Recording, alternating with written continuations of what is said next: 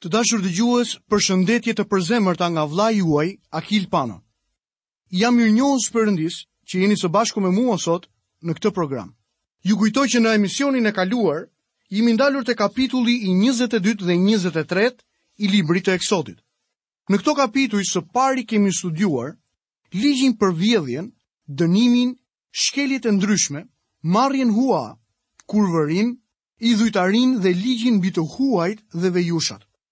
Gjithashtu në kapitullin e njëzet e tretë në studimin e kaluar, kemi folur për vazhdimin e ligjit në lidhje me të drejtat e njerëzve mbi pronën. Ndërsa sot do të shohim premtimet dhe udhëzimet që kanë të bëjnë me pushtimin e tokës nga Izraeli. Do ta fillojmë leximin tonë në kapitullin e 23 të librit të Eksodit, nga vargjet 20 dhe 21. Ja pra, unë po dërgoj një engjëll përpara teje që të të ruajë gjatë rrugës dhe të të futë në vendin që kam përgatitur. Ki kujdes para tij dhe bindju zërit të tij. Mos ngri krye kundër tij, sepse ai nuk do t'i falë shkeljet tuaja, sepse emri im gjendet në të. Gjithmonë ngrihet pyetja se kush është ky engjëll. Pjesë të tjera nga shkrimet kanë hedhur dritë mbi përgjigjen. Tek letra e parë e Korintasve në kapitullin e 10 dhe vargun e 4, apostulli Pal na thotë: "Dhe të gjithë pinë të njëjtën pije frymërore, sepse pinin prej shkëmbit frymëror që i ndiqte, dhe ky shkëmb ishte Krishti." Dhe ndërsa në vargun e 9 dhe të 10 të këtij kapitulli në letrën e parë të Korintasve, vazhdojmë të shohim dhe të mos e tundojmë Krishtin, ashtu siç e tunduan disa nga ata dhe u vranë nga gjarpërinjtë. Dhe mos u ankoni, ashtu siç u ankuan disa nga ata dhe u vranë nga shkatërruesit. Ata duhet t'i bindeshin Zotit Jezus.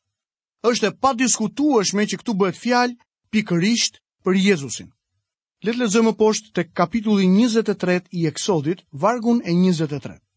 Sepse engjëlli im do të shkojë para teje dhe do të të futë në vendin e Amorenjve, të hitenjve, të perezenjve, të kananenjve, të hivejve dhe të jebusenjve, dhe unë do t'i shfarros ata. Perëndia i tha Izraelit, se ai synonte ta nxirrte armikun jashtë vendit për shkak të mëkatit të tyre. Tani Zoti po u thotë atyre. Lexojmë në vargun e 27. Unë do të dërgoj para teje tmerrin tim dhe do t'i jap dërrmën çdo populli pranë të cilit do të arrish. Do të bëj që të gjithë armiqtë e tu do të të kthejnë kurrizin. Perëndia po i thotë Izraelit se qëllimi i tij është t'i vendosë ata në tokën e Izraelit dhe ta bëjë atë tokën e tyre. Pastaj Perëndia vazhdon të thotë. Lexojmë vargjet 32 dhe 33. nuk do të lidhësh asnjë aleancë me ta, as edhe me perënditë e tyre. Ata nuk do të banojnë në vendin tënd që të mos të bëjnë të mëkatosh kundër meje. Ti do t'u shërbeje perëndive të tyre dhe kjo do të ishte një lak. Bijtë e Izraelit nuk duhet të bënin asnjë marrëveshje me banorët e vendit dhe as me perënditë e tyre. Jozueu gaboi kur bëri marrëveshje me Gibeonasit. Ai nuk hetoi sa duhej. Izraeli ra në robërinë e Babilonisë, sepse ra në idhujtari dhe i shërbeu perëndive të tjera. Të dashur dëgjues, këtu kemi përfunduar edhe studimin tonë mbi kapitullin e 23 të librit të Eksodit. Tani do të vazhdojmë studimin në kapitullin e 24. Tema e këtij kapitulli është radha e adhurimit para ekzistencës së tabernakullit. Lexojmë në kapitullin e 24 të librit të Eksodit nga vargu i parë. Pastaj Perëndia i tha Moisiut: Ngjitu tek Zoti, ti dhe Aaroni, Nabadi dhe Abihu, si dhe 70 nga pleqtë e Izraelit dhe adhuroni nga larg. Perëndia u tha këtyre njerëzve të ngjiteshin në mal, por edhe pse qëndronin në një pozitë shumë të veçantë në atë kohë, u ishte thënë të adhuronin Perëndinë prej së largu. Gjërat nën ligj ishin shumë ndryshe nga gjërat që janë të vendosura nën hir.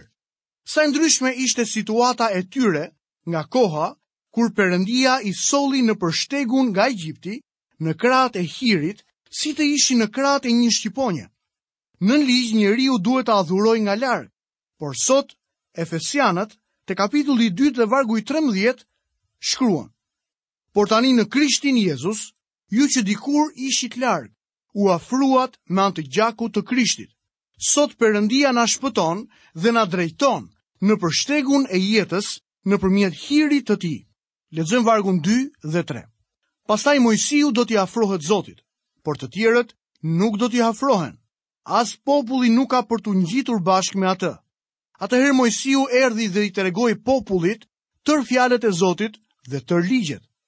Dhe gjithë populli u përgjigj me një zë dhe tha, Ne do të bëjmë tërë gjërat që Zoti ka thënë. Kjo është hera e dytë që bijtë e Izraelit japin një përgjigje pohuese. Kur Perëndia pyet nëse i donin urdhërimet dhe ligjin e tij, ata kanë shumë besim tek vetja dhe janë arrogantë të pandreqshëm. Kur i thonë Perëndisë, "Po, ne e duam ligjin tënd." Ata premtojnë t'i binden pikë për pikë ligjit të Zotit, por akoma nuk i kanë të gjitha. Atyre iu dhanë dhjetë urdhërimet dhe besojnë se mund t'i mbajnë, por le të shohim se çfarë do të ndodhë më poshtë. Ndonjëri mund të pyesë veten se si mund të mashtrohej Izraeli kaq lehtë. Por t'ju them të drejtën, sot më shumë habisin gjithë ata njerëz që ende besojnë se jetojnë me anë të ligjit. Ata që besojnë se e plotësojnë standardin e Perëndisë janë të mashtruar dhe kjo është e tmerrshme. Në letrën e parë të Gjonit, kapitulli i parë dhe vargu i tetë, shohim. Po të themi se jemi pa mëkat, mashtrojmë veten dhe e vërteta nuk është në ne. Nuk gënjen fqinjët, gruan, burrin ose njerëzit e tu të dashur, por sigurisht që mund të gënjesh së pari veten tënde. Po të thoni se nuk mëkatoni apo jeni pa mëkat, mashtroni veten. Do të mendonit se nëse një njeri thotë se nuk ka mëkat, duhet të ketë paksa të vërtetë në të. Por Gjoni thotë se e vërteta nuk është aspak në të. Në rast se e keni kaluar pa vënë re, Gjoni e përsërit të njëjtën çështje tek letra e tij e parë, tek kapitulli i parë, në dy vargje më poshtë në vargun e 10, ku thotë: Po të themi se nuk kemi mëkatuar, e bëjmë atë gënjeshtar dhe fjala e tij nuk është në ne. Ai thotë se nëse thoni se nuk keni mëkatuar, e keni bërë Perëndinë gënjeshtar. Miqtë e mi, Perëndia nuk është gënjeshtar. Po të isha si ju, nuk do ta quaja ashtu. Gjëja më e mirë në këtë rast është të mos krenohesh për mirësinë apo standardin tënd. Vini re arrogancën e bijve të Izraelit kur ata thonë, do t'i bëjmë të gjitha fjalët që ka thënë Perëndia. Megjithatë, Gjatë këtij studimi do të shohim se nuk ndodhi aspak në këtë mënyrë. Ata nuk mundën t'iu binden të gjitha urdhërimeve që Perëndia u dha. Le të shohim bijtë e Izraelit, të cilët në fakt e njohin besëlidhjen. Lexojmë nga vargu i 4 deri në vargun e 7. Dhe Moisiu i shkroi tërë fjalët e Zotit. Pastaj u ngrit herët në mëngjes dhe ngriti në këmbët e malit një altar dhe 12 shtylla për të 12 fiset e Izraelit. Pastaj dërgoi bij të rinj të Izraelit për të ofruar holokauste dhe për të flijuar dema të rinj si therror falënderimi ndaj Zotit. Dhe Moisiu mori gjysmën e gjakut dhe e vuri në legen, dhe gjysmën tjetër të gjakut e shpërndau mbi altar. Pastaj mori librin e besëlidhjes dhe ia lexoi popullit, i cili tha: Ne do të bëjmë tërë ato që ka thënë Zoti dhe do t'i bindemi. Izraelitët sigurisht që kishin besim të tepruar tek vetja. Në të vërtetë ata ishin të mbushur me vetëbesim. Mendonin se mund ta mbanin ligjin e Perëndisë dhe ky është vetëmashtrimi më i keq, Ata premtuan t'i bindeshin Perëndisë, por nuk e bënë. Njeriu natyror beson se mund ta kënaqë Perëndinë, por nuk mundet në të vërtetë. Ti dhe unë nuk mund ta kënaqim Perëndinë, sepse asnjë person nuk mund të plotësojë standardin e tij. Ne harrojmë se në të vërtetë i përkasim një race tërësisht të privuar nga prezenca e Perëndisë. Nëse vini në dyshim, Hidhni një sy botës dhe vëreni se sa e padrejtë që është. Shihni mëkatin, konfuzionin, ateizmin dhe mungesën e perëndishmërisë. Ato ju rrethojnë ngado. Perëndia ka të drejtë kur thotë tek letra drejtuar romakëve në kapitullin e 3 dhe vargun e 10.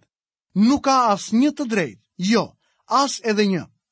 Jetojmë në një kohë kur mëkati edhe e keqja quhen liri dhe virtyte prej njerëzve. Profetët thanë se do të vinte shpejt një ditë e tillë.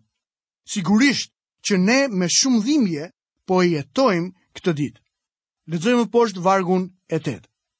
Pastaj Moisiu mori gjakun, spërkati popullin me të dhe tha: Ja gjaku i besëlidhjes që Zoti ka lidhur me ju, sipas tërë këtyre fjalëve. Edhe para se Perëndia t'u jepte Ligjin, izraelitët janë spërkatur me gjak që ata të kuptojnë se duhet të bëhet një sakrificë. Tek letra drejtuar hebrenjve, në kapitullin e nëntë dhe vargu i njëzet e dytë, shkruesi i kësaj letre na thotë: Dhe sipas ligjit, gati të gjitha gjërat pastrohen me anë të gjakut, dhe pa derdhur gjak nuk ka ndjesë. Perëndia do ta përsërisë këtë gjë shumë herë, Para se të shkojmë në qiell, duhet t'ia dorëzojmë jetën tonë atij dhe të paguajmë dënimin apo shpërblimin tonë në bazë të jetës që kemi bërë në tokë. Le të shohim se si Moisiu ngjitet vetëm në malin Sinai. Lexojmë nga vargjet 9 dhe 10. Pastaj Moisiu dhe Aroni, Nadabi dhe Abihu dhe 70 nga pleqtë e Izraelit u ngjitën dhe panë Perëndinë e Izraelit. Nën këmbët e tij ishte si një dysheme e punuar me safir, e qartë si qielli vetë. Ata panë Perëndinë e Izraelit. Duhet të kuptohet në dritën e shkrimeve të tjera. Në të vërtetë, asnjë nuk e ka parë Perëndinë, sepse ai është frymë. Gjoni te kapitulli i parë i Ungjillit dhe në vargun e 18 na tregon që askush s'e pa Perëndinë kurrë I vetëmlinduri Bir, që është në gjirin e të atit, është ai që e ka bërë atë të njohur. Ajo që ata panë ishte një përfaqësim i Perëndisë. Sinqerisht dyshoj nëse do ta shohim Perëndinë Atin në të gjithë përjetësinë. Jezu Krishti ka mundësi të jetë pamja më e ngjashme që do të kemi ne për Atin. Ai do të mjaftojë për të kënaqur zemrat tona. Gjithçka që dimë sot për Atin është përmes Birit.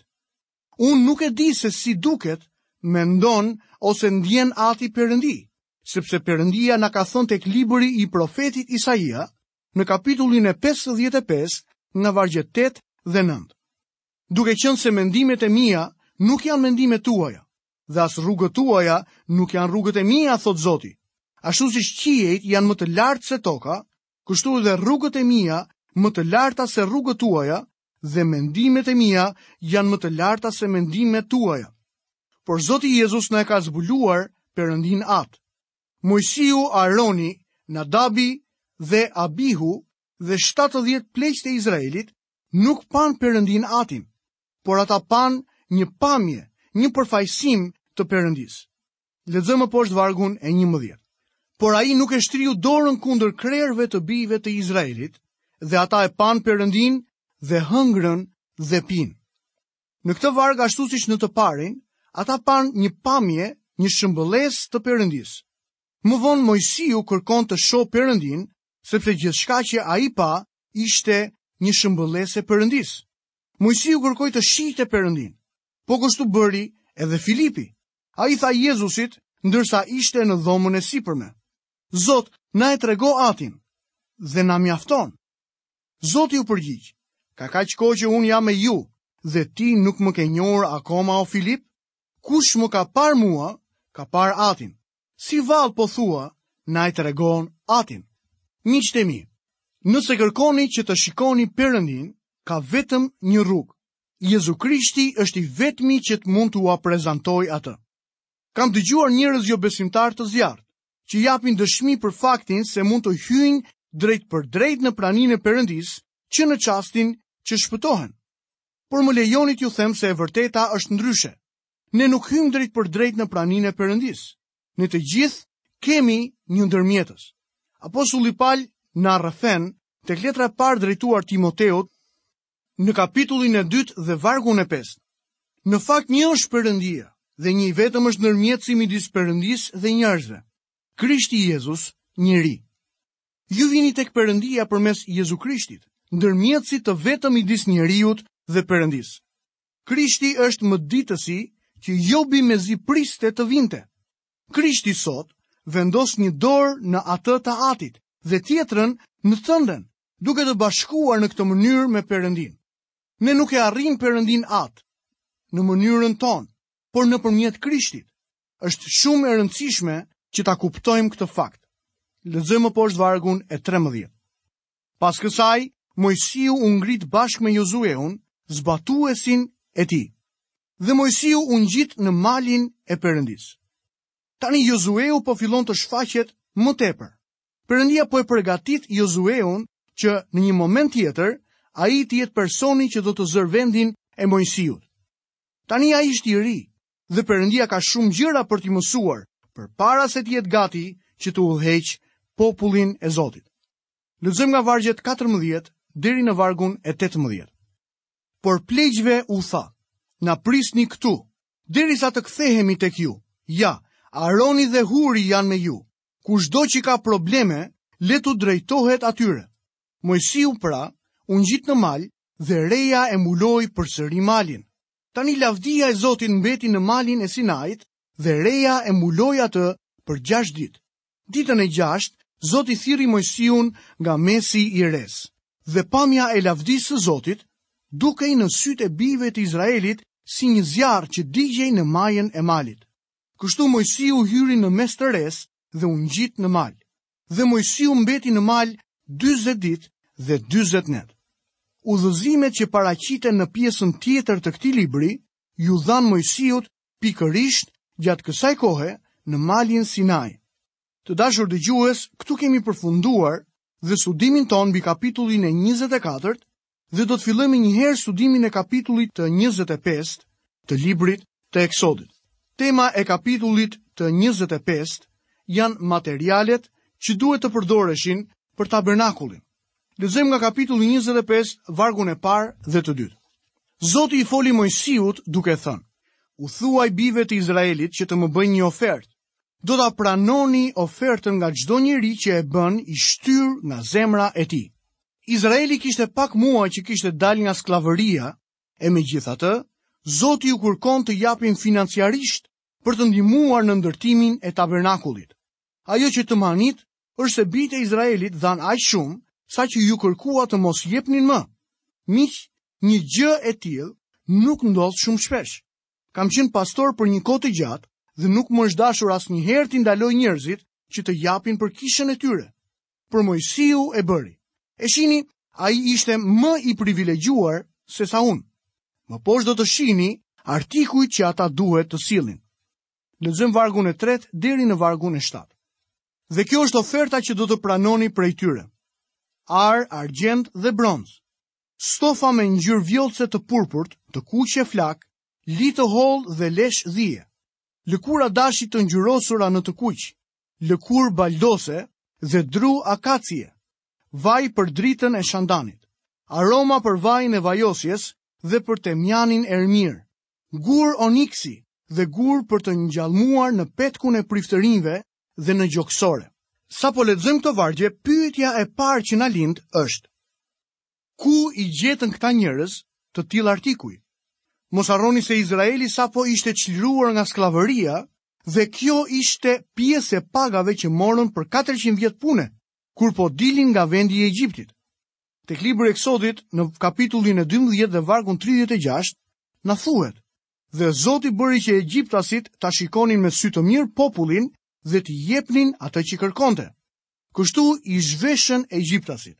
Izraelitët kur u larguan nga Egjipti, morën me vete një pasuri të jashtëzakonshme. Është vlerësuar se për ndërtimin e tabernakullit u shpenzuan të paktën 5 milion dollar. Tabernakulli ishte i vogël në përmasa, sepse duhej të bartej përgjatë gjithë marshimit të hebrenjve në shkretëtirë. Megjithatë, kishte shumë klas, ishte i pasur dhe i bukur. Lexojmë vargun e 8. Le të më bëjnë një shenjtërore që unë të banoj në mes tyre.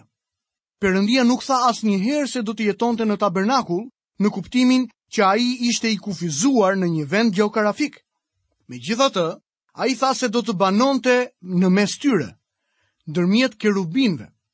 Tek libri i parë i Samuelit, në kapitullin e 4, nga vargjet 4, tek libri i dytë i Samuelit, në kapitullin e 6 dhe vargun e 2, tek libri i dytë i Mbretërve, në kapitullin e 9 dhe vargun e 15, dhe tek libri i profetit Isaia, kapitulli 37 dhe vargu 16, japin dëshmi për këtë fakt.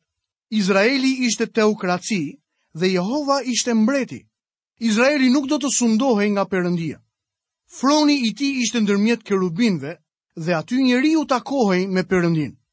Ideja që ekziston sot se Perëndia banon në një ndërtesë të bërë nga duart e njerëzve nuk është e vërtetë. Ky është një kuptim pagan. Disa njerëz e quajnë ndërtesën e kishës shtëpinë e Perëndisë. Një ndërtesë sado madhështore të jetë, nuk është dhe nuk mund të jetë shtëpia e Perëndisë, sepse Zoti nuk banon në ndërtesa të bëra nga dora e njeriut. Solomoni e ka shprehur qartë, dëgjoni se çfarë thotë ai tek Psalmi i 99. Kush mund t'i ndërtojë një shtëpi atij duke parë që qiejt e qiejve nuk e nxën. Tabernakulli duhet të ishte vendi ku njeriu takohej me Perëndinë. Zoti mbretëron, popujt le të dridhen, ai është ulur mbi kerubinët, toka le të dridhet. Arka ishte froni i Perëndisë dhe orendia e parë që ata duhej të ndërtonin. Lexojmë vargun e nëntë. Ju do ta bëni atë sipas tërë asaj që unë do t'ju tregoj, si për modelin e tabernakullit, ashtu dhe për modelin e të gjitha orendive. Libri i Hebrenjve na tregon se ky tabernakull tokësor ishte modeluar sipas modelit të tabernakullit qiellor. Ngrihet pyetja, a ka vërtet tabernakull qiellor? Mendoj se po. Për aq kohë sa fjala e Zotit thotë kështu. Tek libri i Hebrenjve, kapitulli 9 nga vargjet 23 dhe 24, Ne shohim që shërbejnë sipas shembullit dhe hijes së gjërave qiellore, ashtu siç i qe folur Moisiut kur po gatitej të ndërtonte tabernakullin. Shiko, tha ai, t'i bësh të gjitha sipas modelit që të qe treguar në mal. Dhe më poshtë vazhdon ta përforcojë kur thotë, ishte pra e nevojshme që format e gjërave qiellore të pastroheshin me këto gjëra, por vetë gjërat qiellore, me flijime më të mira se këto. Sepse Krishti nuk hyri në një shenjtërore të bërë me dorë, që është vetëm shëmbëllesë e asaj të vërtetë, por në vetë qiellin për të dalë tani përpara Perëndisë për ne. Të dashur dëgjues, këtu kemi mbërritur dhe në fundin e programit të sotëm. Ju falënderoj që keni qëndruar së bashku me mua përgjatë gjithë minutave të emisionit të sotëm. Nga vëllai juaj Akil Pano, keni të gjitha bekimet e Perëndisë dhe paqen e Tij në jetën dhe familjet e juaj. Bashkë mirudëgjofshim në emisionin e ardhshëm.